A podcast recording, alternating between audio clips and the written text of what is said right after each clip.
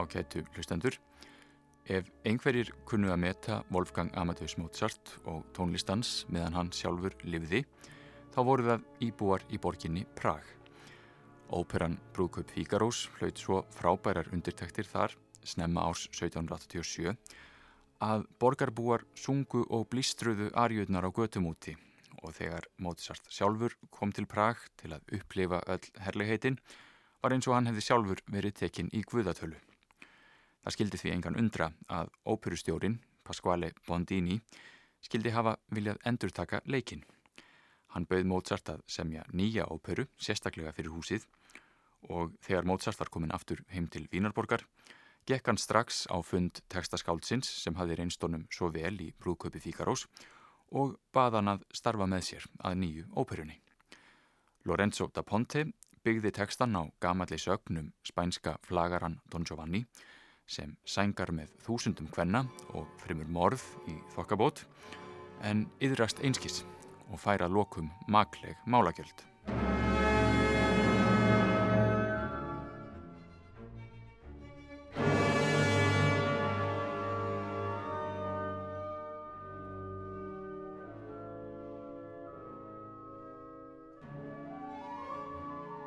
Óperan Don Giovanni byrjar með látum en það er efnið ekki tekið neinum vettlingatökum. Það er best að segja það beint út. Söguhetjan Don Giovanni er ekki bara venjulegur kvennabósi. Á 2001. öldinni er þann líklega greindur kynlífsfíkil. Hann hugsaður ekki um neitt nema kvennfólk, dag og nótt og allt hans líf litast af eldingaleiknum við næsta fórnarlamp. Gagvart sjálfum sér réttlætir hann allt þetta kvennast úr sitt á þann veg að það væri alltaf því glæpsamlegt ef hann væri trúr einni konu. Það væri nefnilega svo illa gert gagvart öllum hínum. Don Giovanni er auk þess svo óforskammaður í þessum efnum að hann heldur skrá yfir allar þær konur sem hann hefur sengað hjá á lífsleiðinni. Eins og þjóttnin Leporello skýrir frá í fyrsta þætti óperunar eru þær samtals 2064 og flokkaðar eftir löndum. 640 á Ítalju, 230 í Þískalandi, 100 í Fraklandi, 91 í Tyrklandi en 1003 á Spáni. Italia 640 In Lamagna 231 100 in Francia e Turchia 91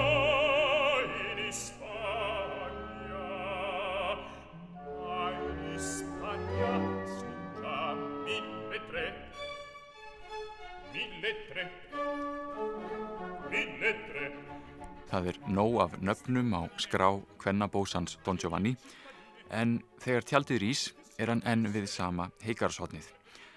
Nú ber aftur á móti svo við að allt fer úrskeiðis hjá honum eins og sést best af því að það bætast ekki fleiri nöfn í bókina góðu meðan á óperunni stendur. Don Giovanni hefur reynd að fleka hefðarfrúna Donu Önnu en hún streytist á móti og rópar á hjálp. Höfusmaðurinn, fadir hennar, kemur aðvífandi en Don Giovanni bregður sverði og stingur hann banasári.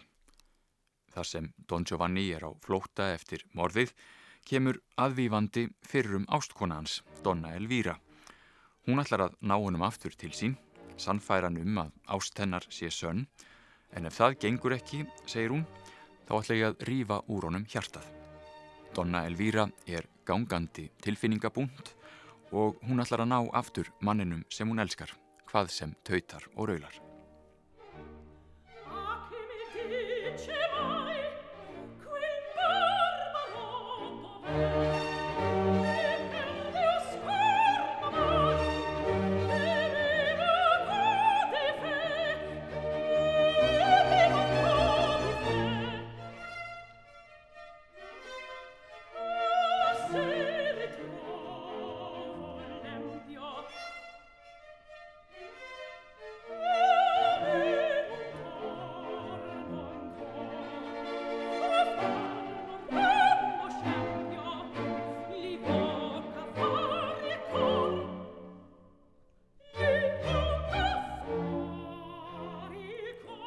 Donna Elvíra getur ekki glemt Don Giovanni og það verður að segjast eins og er.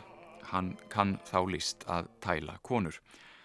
Eitt af því sem gerir óperur Mozart svo áhrifamiklar er að hann skapar personur í gegnum sjálfa tónlistina.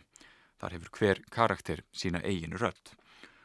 Og í þessari óperu syngur engin eins undur blíkt og tælandi og einmitt sjálfur Don Giovanni. Eða hver gæti staðist mann sem stendur fyrir framann útitinnar með mandólin í hendi og syngur eitthvað á þessa leið.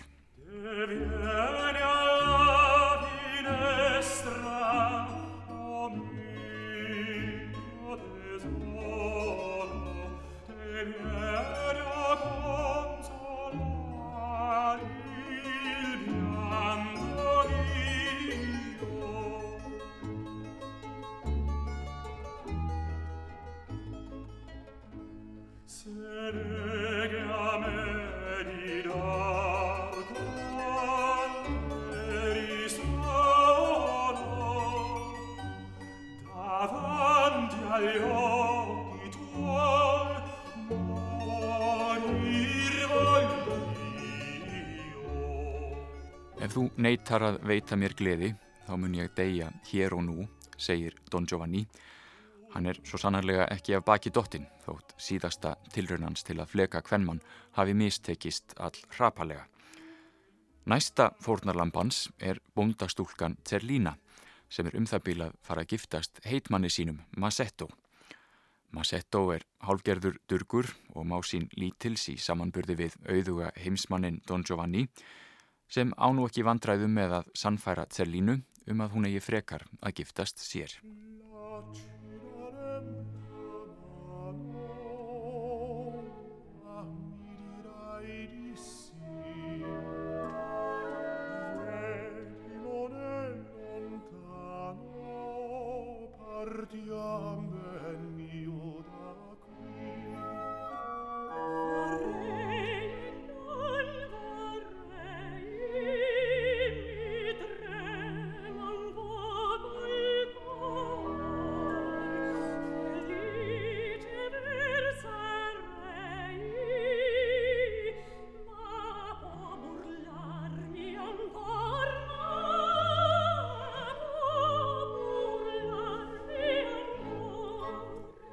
Giovanni er meðvitaður um völd sín og stöðu í þjóðfélaginu og hann er ekki eini karlmaðurinn sem hefur notað slíkt til að fá konur til að falla fyrir sér.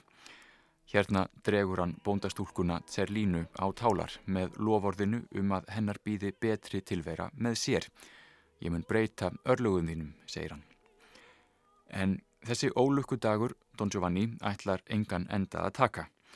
Það verður lítið úr ástarsambandi þeirra Zerlínu í byli og þegar Donna Anna kemst að því að það var Giovanni sem reyndi að svíverðana sver hún þess heit að koma fram hemdum í slagtógi við unnustasinn, tenorinn Don Ottavio og hinn að skap heitu Donnu Elvíru. Það fóruð þetta ekki fram hjá óperugestum í Prag og Vínarborg að personur óperunar tilheyra þremur ólíkum þjóðfélagsstígum.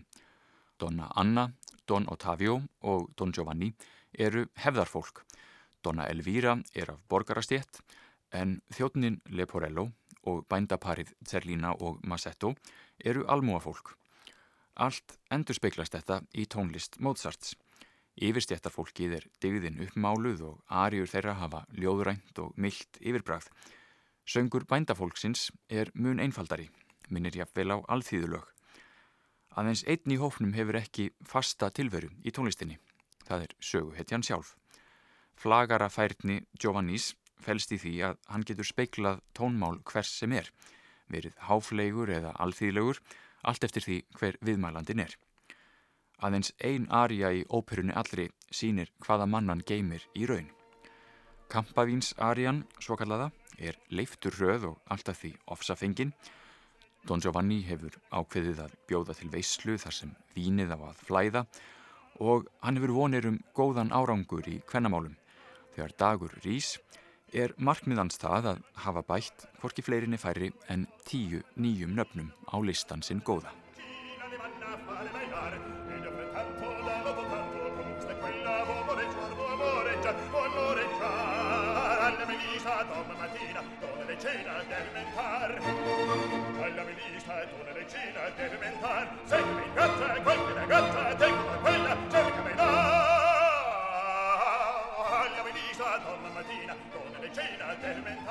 Hérna byrtist hið sanna eðli Don Giovannis.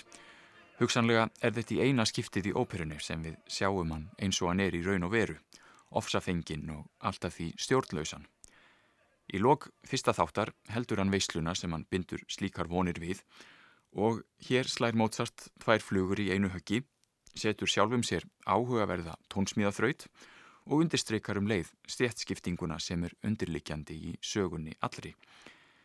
Don Giovanni er augljóslega loðinum lofana því að í glæðskapnum í Höllands leika hvorki fleirinni færri en þrjár hljómsveitir. Allar eru þar á sviðinu og leika þrjá ólíka dansa samtímis. Fyrst er stígin menuett sem er hávirðulegur hýrðdans fyrir aðalsfólkið. Næst kemur borgaralegur kontradans en þriðjidansin er hraðastur og alþýðlegastur, tæts eða þýskur dans fyrir hennari valsins og hann dansa þjóttnin Leporello og bóndin Masetto.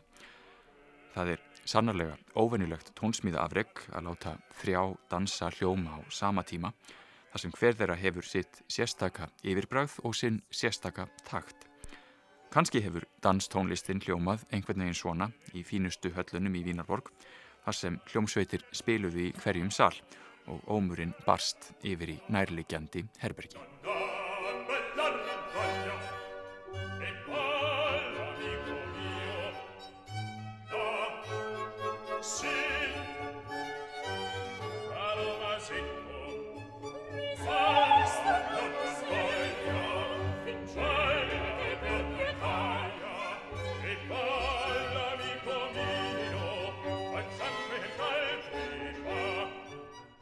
Hérna hljóma þrýr dansar í einu í lók fyrir þáttar áperunar Don Giovanni og samtöl ólíkra karaktera bætast þar ofan á.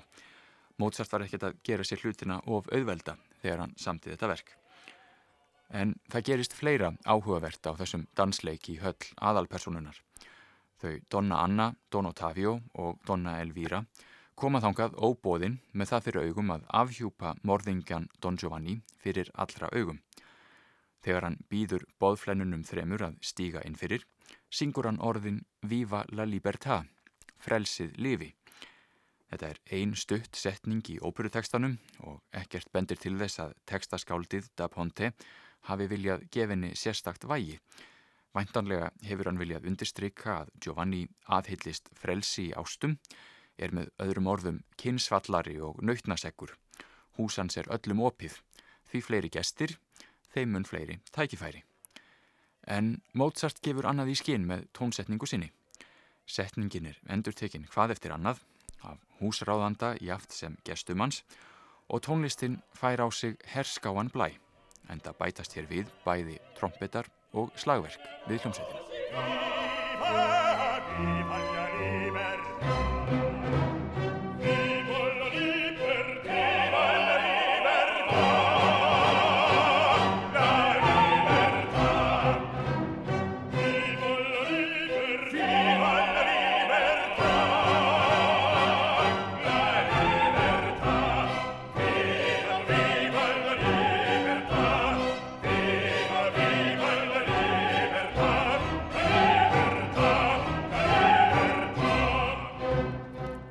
Frelsið lifi.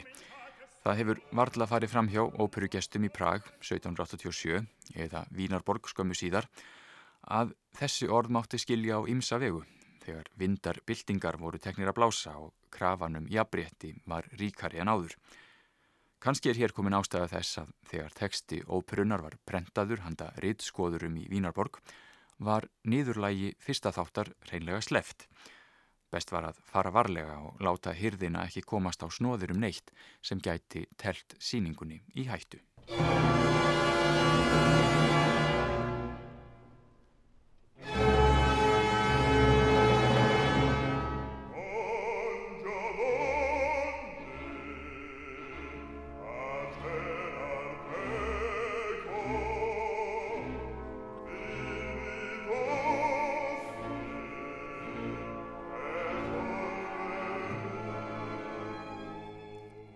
Óperan Don Giovanni er það sem höfundarnir kölluðu Dramma Giocoso, gaman drama, sem vísar til þess að þótt margt sé skoplegt í óperunni er meginefni hennar þó fyrst og fremst harmrænt. Don Giovanni er tragísk persóna. Honum er ómögulegt að tengjast öðru fólki nema þá aðeins kynferðislega og jafnvel þegar hann hefur framið morð, yðrast hann einskis. Þetta dregur dilk á eftir sér því einanótt rambar hann á stittu höfðusmannsinn sem hann myrti í fyrsta atriði óperunar og þegar hún virðist lifna við slær Don Giovanni öllu upp í grín og býður henni að snæða með sér kvöldverð. Draugur höfðusmannsins býður Don Giovanni í raun leið út úr þeim ógöngum sem hann er komin í en aðeins með því skilir því að hann yðrist gjörða sinna sem hann harð neytar að gera.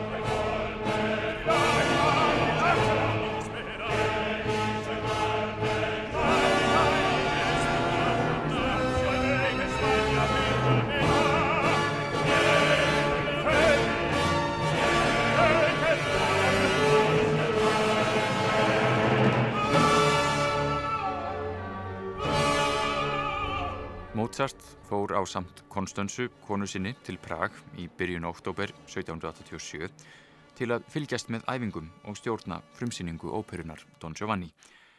Þá hann reyndar enn eftir að ljúka við verkið og sagan segir að hann hafi vakað alla nóttina fyrir frumsýningu til að semja forleikin. Blekið hafi varla verið þornað á hljómsettarötunum þegar tjaldið fór upp. Væntanlega er þetta nú eitthvað orðum aukið. Líklega hefur Mozart samið forleikin nótina fyrir lokaæfingu fremur en frumsýningu en á síðustu stundu eftir sem áður. Don Giovanni hlaut feikigóðar viðtökur í Prag og borgarbúar fengur reynlega ekki nóg af tónlist Mozarts.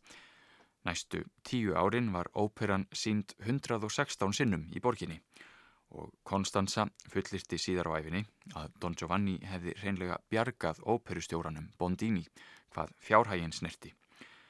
Mozart fekk enn eitt tilbóðið frá Prag um að semja óperu fyrir þúsund flórínur sem var væn upphæði þá daga en hann afþakkaði bóðið sem er nokkuð sem setni tíma sagfræðingar hafa margir líst fyrðu sinni á. Af hverju sló Mozart ekki til? Í Vínarborg beigðans ekkert fast starf, hann var skuldugur þar og líkt metinn en á móti kom að Prag var í hinnu stóra samhengi ekki miðpunktur menningar á sama hátt og Vínarborg. Hljómsveitin var til dæmis langt frá því svo besta sem Mozart hafði starfað með af því að bestu tónlistarmenn Tjekklands voru sjálfnast um kýrt þar heldur fóru einmitt til Vínarborgar til að njóta hæfileika sinna.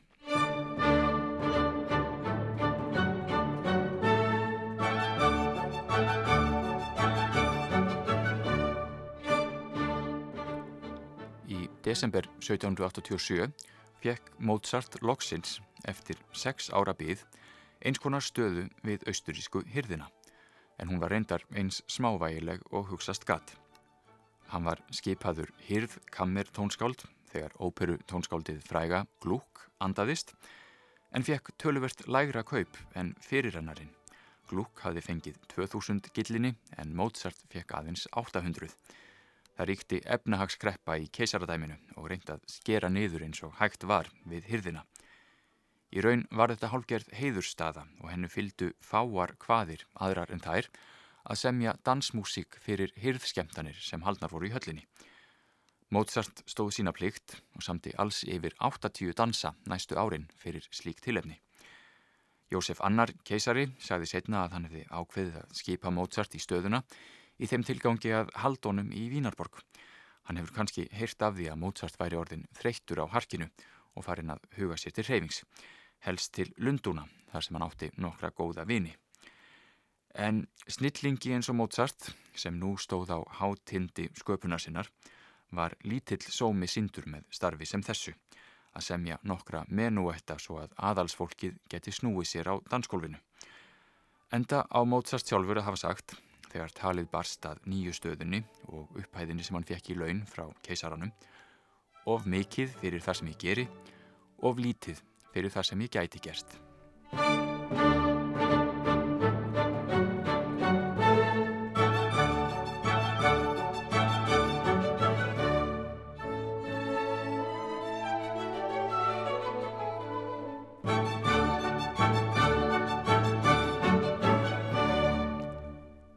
Þýskur dans eftir Mozart frá árinu 1788 Einn fjölmargra sem hann samti um þetta leiti fyrir hyrðdansleiki í Vínarborg.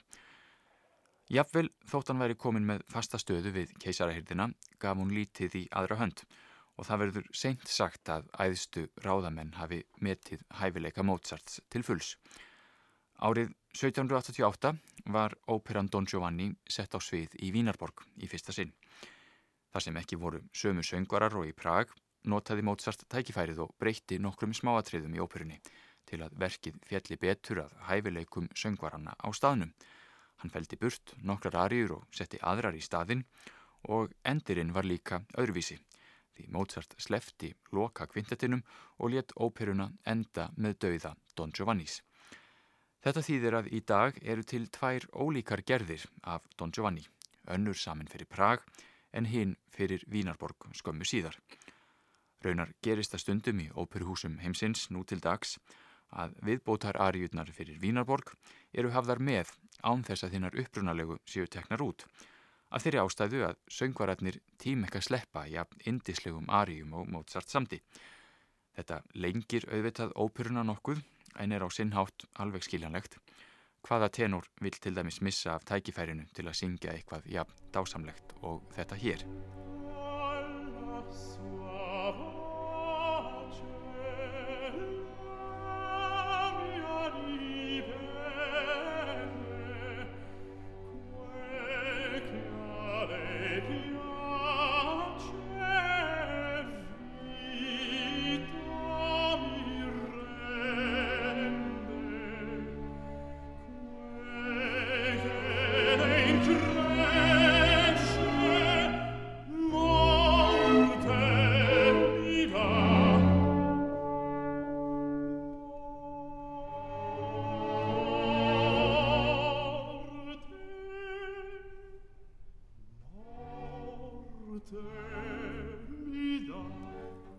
Dalla Sua Pace, ein af nýju ariunum sem Mozart samti sérstaklega fyrir uppvæsluna á Don Giovanni í Vínarborg árið 1788. Það mun óhætt að segja að undirtektir í Vínarborg hafi verið öllu dræmari en í Prag. Hinnir íhaldsömu borgarbúar höfðu litla þólinnmæði fyrir tónlist sem gerði slíkar kröfur og margir voru þeirra skoðunar að Don Giovanni væri hreinlega of þung og erfið ópera. Sem dæmi má nefna að greifinja nokkur hafði þetta að segja um verkið. Tónlistin er á flókin og hendar röttunum illa. Önnur greifinja í Vínarborg, erki greifinjan Elisabeth, skrifaði eiginmanni sínum 15. mæ 1788 og hafði þetta að segja um Don Giovanni. Nýlega var nýjópera frumflutt eftir Mozart en mér er sagt að hún hafi ekki fallið í kramið. Meiri segja sjálfur keisarin, Jósef Annar, sem hafði raunar ekki sjálfur séð Don Giovanni, hafði þó heyrt ímislegt um hana og skrifaði einum ennbættismanni sínum. Tónlist Mozarts er sannarlega of erfið fyrir söngvarana. Einnig má nefna í þessu sambandi skrif greifan okkurs í Vínarborg Karls Zinzendorf sem var einstaklega yðin við að sækja menningarviðburði og skráði skoðanir sínar á þeim í dagbók sem varðveitt er í hvorki fleirinni færri en 76 bindum. Zinzendorf Greifi hafði eins og fleiri vínarbúar um þetta leiti litla ánægu af tónlist Mozarts. Hann skráði hjá sér í dagbókina 23. júni 1788 að sér hafi leiðst alveg óurlega á Don Giovanni.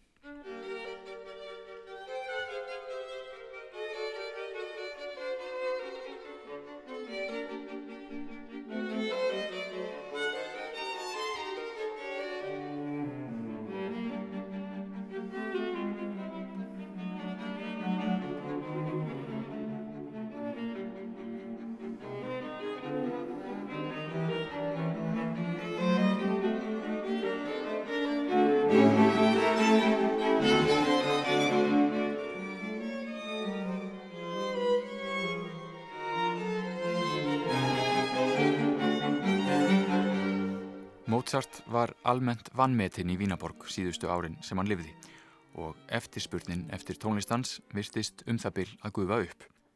Til dæmis samti Mozart tvo dásamlega strengja kvintetta árið 1787 og hugðist gefa út á prenti á eigin kostnað með því að sapna áskriftum en varða að gefa það allt upp á bátinn þar sem hann gati ekki tryggt næga sölu fyrirfram. Hann endaði því með að selja nótnaforlegjara kvintettana á spottprís og fekk lítið í aðra hönd fyrir allt erfiðið. Sumarið 1789 reyndi hann enn að sapna áskrifendum í tónleikaröð eins og þær sem hann hafi haldið nokkrum árum fyrr við góðar undirtæktir en nú brá svo við að ekki nema einn áskrifandi skráði sig, hinn tónelski Gottfríd van Svíten Barón sem var einn diggasti bandamáður Mozarts í Vínaborg. Það dugði auðvitað ekki til, svo að Mozart neittist til að aflýsa öllu saman.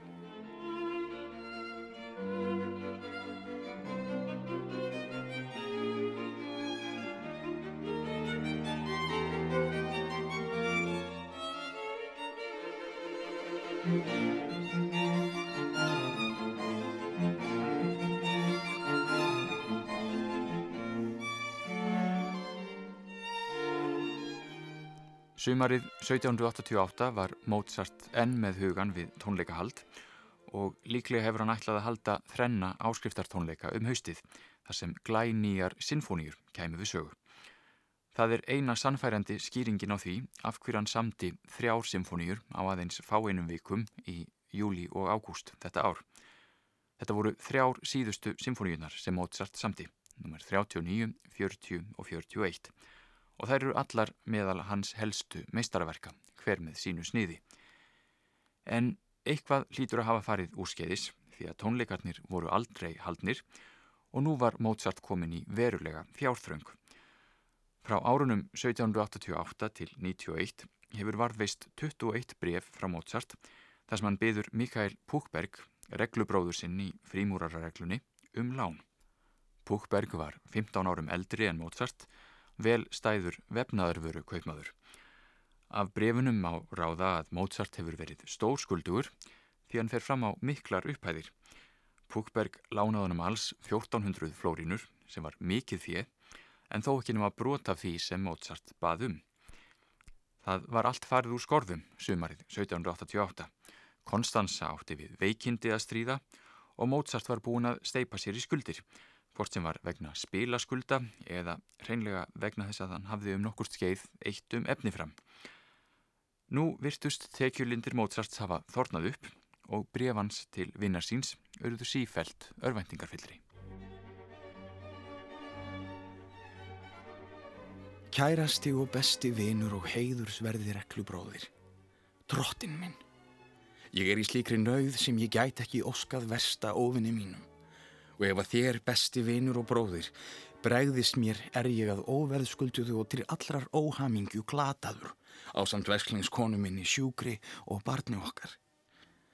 Þegar fundum okkar bar saman um daginn ætla ég þá þegar að létta á hjarta mínu við yfir en var of hjarta blöður og væri það enn þótt ég reyni með skjálfandi hendi að gera það skriflega Einnig það væri mér um megn ef ég vissi ekki að þér þekktum mig og kringum staður mínar það vel að þér vænið mig ekki um sög að þessu hörmungar ástandi mínu. Guð minn góður. Í stað þakkar orða ber ég fram bónar orð. Í stað borgunar nýja beðni um lán. Ef þér þekkið innræti mitt til hlítar, hljóti þér að finna til með mér.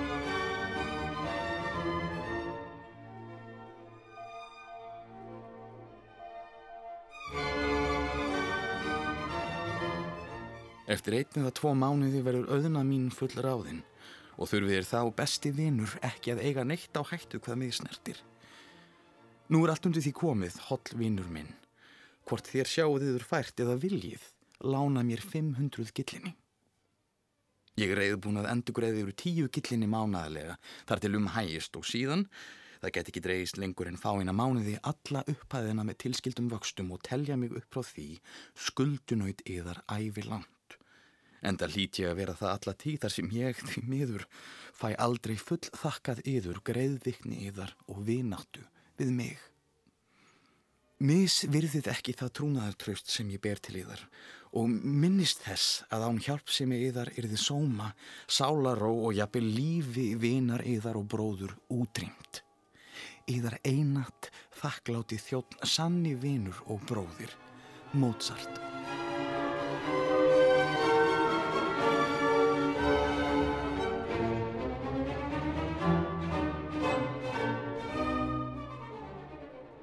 Hér hljóma tónar úr G-mól Sinfoníu Mozarts, nr. 40, þeirri sem hann samti að öllum líkindum fyrir tónleikaröð sem aldrei varð neitt úr. Raunar held Mozart aldrei aftur sjálfstæða tónleika í Vínarborg meðan hann livði.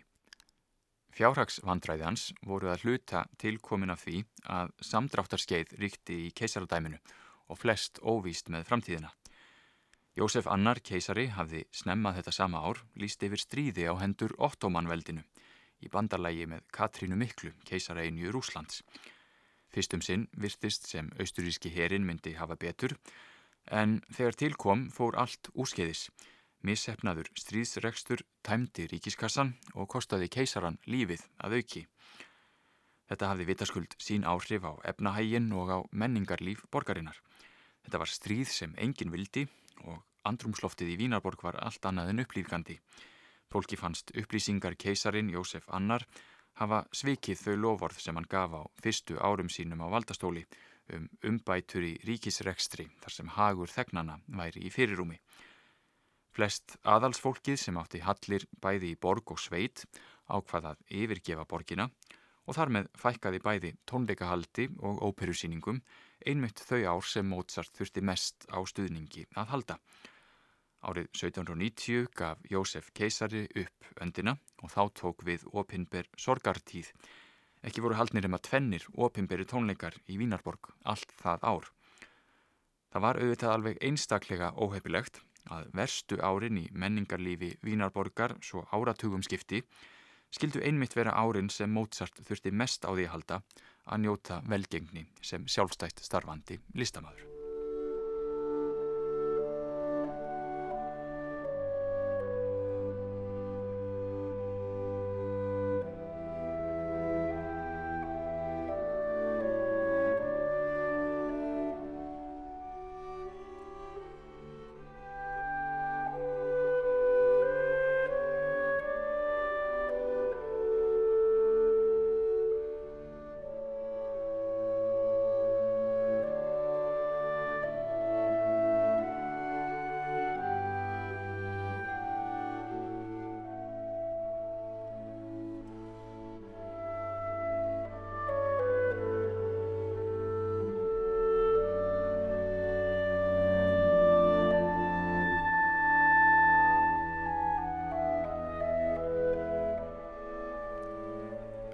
Árunum 1788 til 90 voru áslaun Mozarts ekki nema helmingurinn af því sem þau voru árin á undan.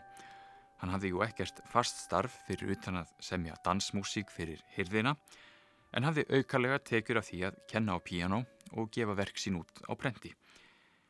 Það máð einhverju leiti lesa fjárhagsvandræði Mozarts úr því húsnæði sem hann bjói á þessum árum. Þegar hann var á hátindi fræðarsinnar árið 1786 legðu þau Konstanza íbúð í Dómgassi í hjarta miðbæjarins, steinsnar frá henni veglegu Stefánskirkju, en árið 1788 voru þau flutt í útkverfi. Tækifærum til tónleikahalds hafði fækka til muna, Mozart fekk færri pantanir og gerði færri samninga við útgefendur. Hann tók lán til að greiða skamtímaskuldir sínar og síðan ný lán til að borga þau eldri, enda auððu brefinn til reglubróðurins Púkbergs örvæntingarfyllri eftir því sem leið á árið. Ég verðað sárbæna yður um. Ef þér hefði erfitt með að liðsina mér með svo hári uppað sem ég bað um, að sína þá vináttu og þá bróðurlegu velvild að senda mér hið bráðasta eins mikið og þér sjáuð yfir fært að missa. Því að ég er sannarlega í sári neyð. Sæðu þér yfir fært og vildu leysa mig úr öllum vanda, myndi ég lofa yfir og prísa sem bjargvætti mína út yfir gröf og dauða. Því að þér myndu með því tryggja mér vissa lífsamingu í framtíðinni. Ef ekki, byrði ég yfir í drottins nafni að hjálpa mér með hverju sem er. Ég er ævanandi þakklátti þjótt. Mozart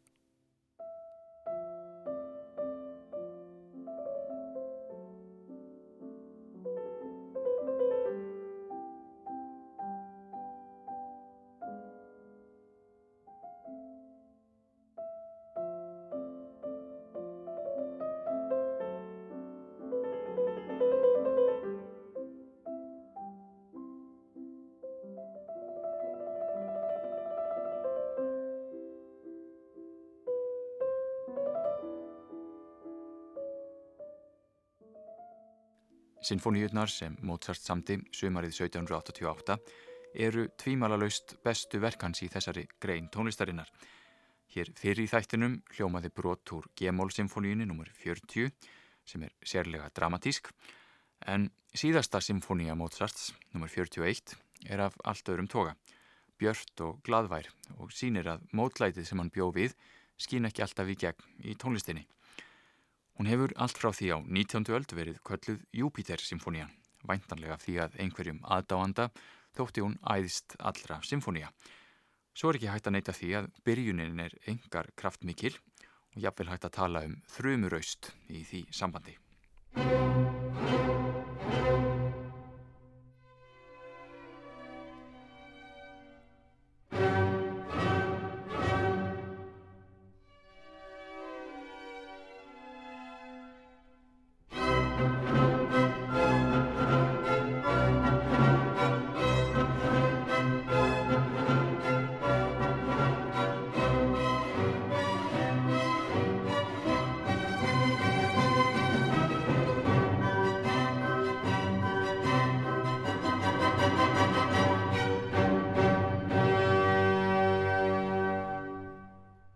Frægasti kapli Júpiter-symfoníunar er hinn síðasti. Það sem Mozart sínir í eitt skipti fyrir öll að hann hafði fullkomið vald á öllum þáttum tónlistarinnar. Hann kynir til sögunar nokkur stef og undir lok þáttarins gerir hann sér lítið fyrir og lætur þau öll hljóma á sama tíma í hennum ímsu hljóðfærum, nokkuð sem alls ekki er sjálfgefið að gangi upp. Hér er Mozart komin eins langt og hugsast getur frá hennum þunna og einfalda tónavef sem flest tónskáld klassíkurinnar tömdu sér. Það verður reynlega ekki lengra komist í því að fylla tónlist af ólíkum röttum og stefjum sem þó mynda fullkomin samhljóm.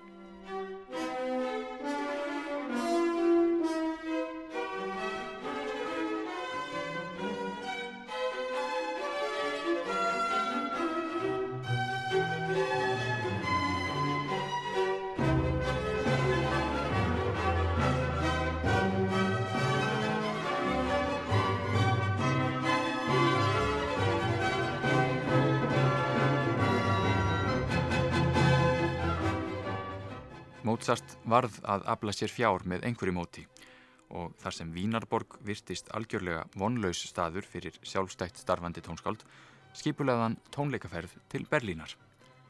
Þegar Mozart ferðaðist um Evrópu með fjölskyldu sinni sem barn lá leiðin gegnum Frakland til Lundúna en hann hefði aldrei fyrr komið til Berlínar.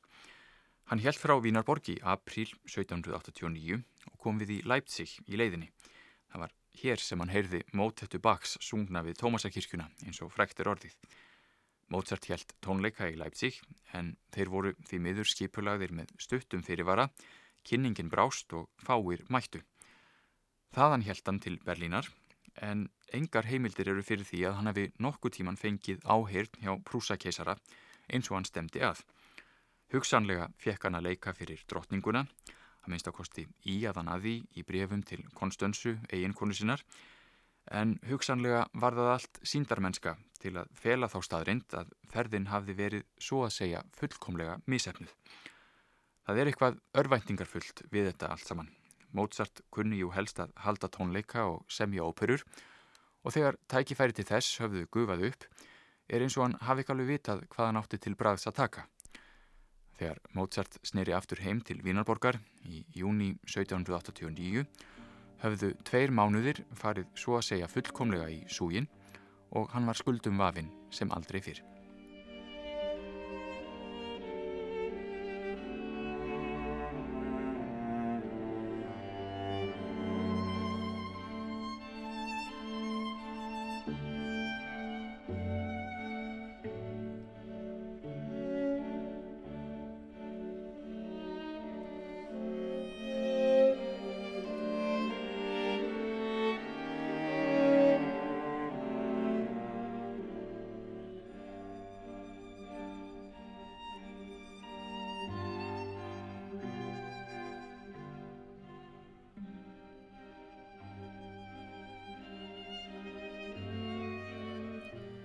Ferðafélagi Mozarts til Leipzig og Berlínar var Karl Lichnowsky, prins, embættismadur við austurísku hyrðina, frímúrari og hugsanlega nefandi Mozarts um skeið.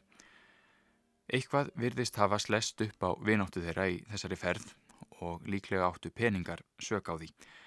Liknovski virðist hafa lánað Mozart 1400 gillinni sem var heilmikil upphæð, meira en Mozart fekk fyrir að semja heila óperu og honum gekk ítla að endurheimta skuldina. Það fór svo að Liknovski fór í mál við Mozart, aðeins fá einum vikum áður en Mozart lést, en dró svo kæruna tilbaka þegar Mozart var komin yfir móðuna miklu. Kanski er það til marksum að Liknovski hafi haft samvisku bytt yfir því að hafa dreyið fyrrum vinsinn fyrir domstóla, rétt fyrir andlátið, að hann var setna diggur stuðningsmaður Beethovens. Í stað þess að lánunum pening eins og Mozart gaf Liknovski Beethoven reynlega umtalsærðar fjárhæðir. Í staðinn tilengaði Beethoven honum nokkur af sínum frægustu verkum. Hlustendur hafa það kannski í huga næst þegar þeir hlýða á verk eins og Sinfóni nr. 2 eða Pathetique pianosonutuna eftir Beethoven að þau eru tilenguð auðkýfingnum sem fór í mál við Mozart.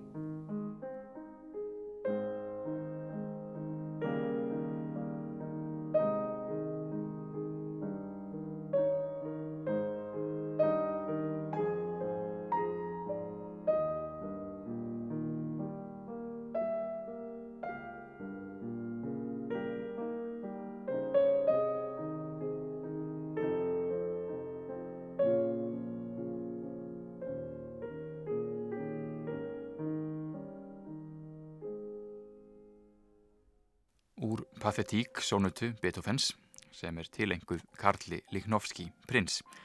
Hann var ferðafélagi Mozarts til Berlínar vorið 1789 og fór í mál við hann tveimur orðum síðar út af vangreitri skuld. Árið 1789 var fremur magurt hjá Mozart hvað tónsmiðarnar snerti og eflaust hafa fjárhags áhyggjurnar tekið sinn toll. Það rofaði ekki til fyrir undir lok ásins þegar Mozart hófað semja nýja óperu við texta eftir Lorenzo da Ponte, Così fan tutte, eða Svona gera þær allar. Così fan tutte.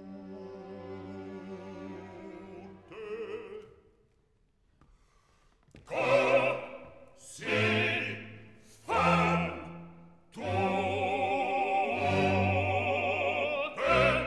Sagan fjallar um samskipti kynjana, ást og trygglindi, ótrú og fyrirgefningu, en efnistökin eru svo litið fyrðuleg. Kalthæðni öldungurinn Alfonso veðjar við tvo unga menn að jafnvel unnustur þeirra verði fljótar að gleima þeim ef þeir láti sig hverfa. Þeir látast hafa verið kvattir í herin en snúa aftur í dulargerfi og reyna hvorum sig að ná ástum þeirrar sem er lofuð hinum. Þeir hafa erindi sem erfiði og það á þá að vera til sönnunar ekki um sveik og bretti Karlkinsins, heldur þvertamóti um hverflindi kvenna, eins og heiti óperunar ber með sér. Svona gera þær allar, er alhæfing um kvenkinnið, á þær er ekki að treysta. Endalók óperunar eru líka beiskjublandin eins og gefur að skilja. Jafnvel þegar allt er fallið í ljúvalöð, kemst áhorfandin valla hjá því að spyrja sig hvert framhaldið verði þegar grafið hefur verið undan trausti elskendana með framhjáhaldi þvers og kruss. Og í mörgum uppfæslum síðari ára er gefið í skín að þegar tjaldið fellur séu kærustupurinn ekki nándarnæri eins hamingjusum og þau látast vera. Sagan í Così fan tutte er vissulega sérkennileg frá sjónarmiðin útímans og af þremur óperum þeirra Mozarts og Da Pontes er þetta svo sem sjálfnast sést á sviðum óperuhúsa. Hún hefur aldrei náð sömu hilli í huga almennings og Brúku Fíkarós eða Don Giovanni. Þó er hér margt undur velgerst og höfundinum til Mikils Sóma, til dæmis tríóið fallega í fyrsta þætti þar sem stúlkurnar tvær, Dora Bella og Fjordi Ligi, hveðja unnusta sína áður en þeir stiga á skipsfjöl og halda á ókunnar slóðir. Það er hægt að efast um einlægnina í mörgu því sem sungið er í þessari óperu, en hér er alls engin tilgerð í tjáningunni. Megi vindurinn vera hægur, segja þær, megi öldurnar vera lágar og öll náttúruöflin snúast á sveif með draumum okkar.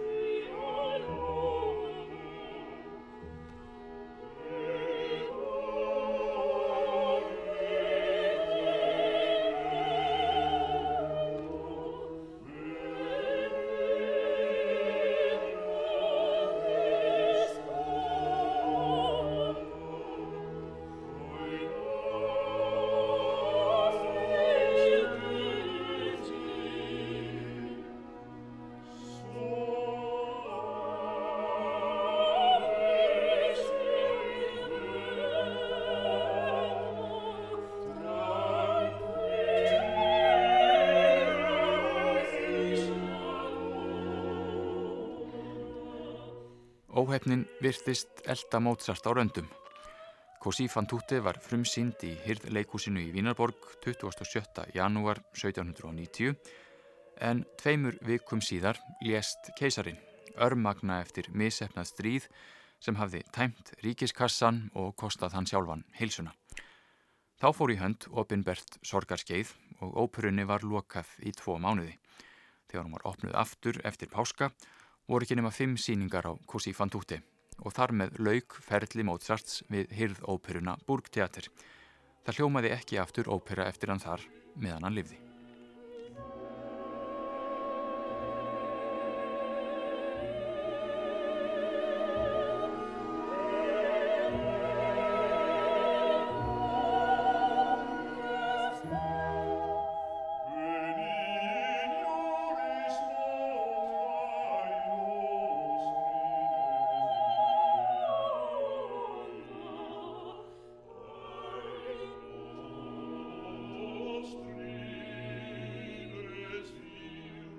Così fan tutte var frumsýnd í janúar 1790 og eftir það er eins og Mozart hafi hreinlega gefist upp um stundarsakir. Fjárhags áhyggjurnar höfðu greinilega tekið sinn toll og innblásturinn virstist farin veg allrar veraldar því að Mozart samti aldrei eins lítið af tónlist og einmitt árið 1790. Hann lauk ekki við nema fá ein ný verk allt þetta ár.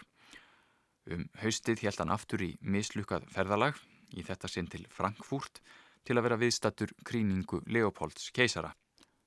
Hann átti í raun ekki fyrir þessu ferðalagi og þurfti að veðsetja silfurborðbúnað þeirra konstönsu til að geta leikt sér vagn til fararinnar. Tilgangur ferðarinnar var líka nokkuð óljós þar sem Mozart hafði ekki starf við keisarahyrðina og gengdi því engu opinberu hlutverki við hátíðahaldin. Hann vonaðist til þess að geta kynnt list sína fyrir öllu því mikilsverða fólki sem kemi saman til að fylgjast með kringunni, væntanlega í þeirri vonað finna sér einhvern velgjörðamann og helt því ofinbera tónleika í Frankfurt 15. oktober. En það var eins og allt inni gegn honum. Nú hitti svo illa á að prins nokkur helt mikla veislu fyrir kríningagesti einmitt þegar tónleikarnir fóru fram og því var illa setin bekkurinn og enn einu sinni kom Mozart út með tapi. Á tónleikunum leik Mozart meðal annars nýjasta pianokoncert sinn, nr. 26 í D-dur, sem allar götur síðan hefur gengið undir nafninu Kríningarkoncertin. Og þótt tekjurnar væru rýrar, skrifaðan konu sinni að fagnadarlæti þeirra sem á annað borð mættu á tónleikana hefðu að minnstakosti verið ósveikin.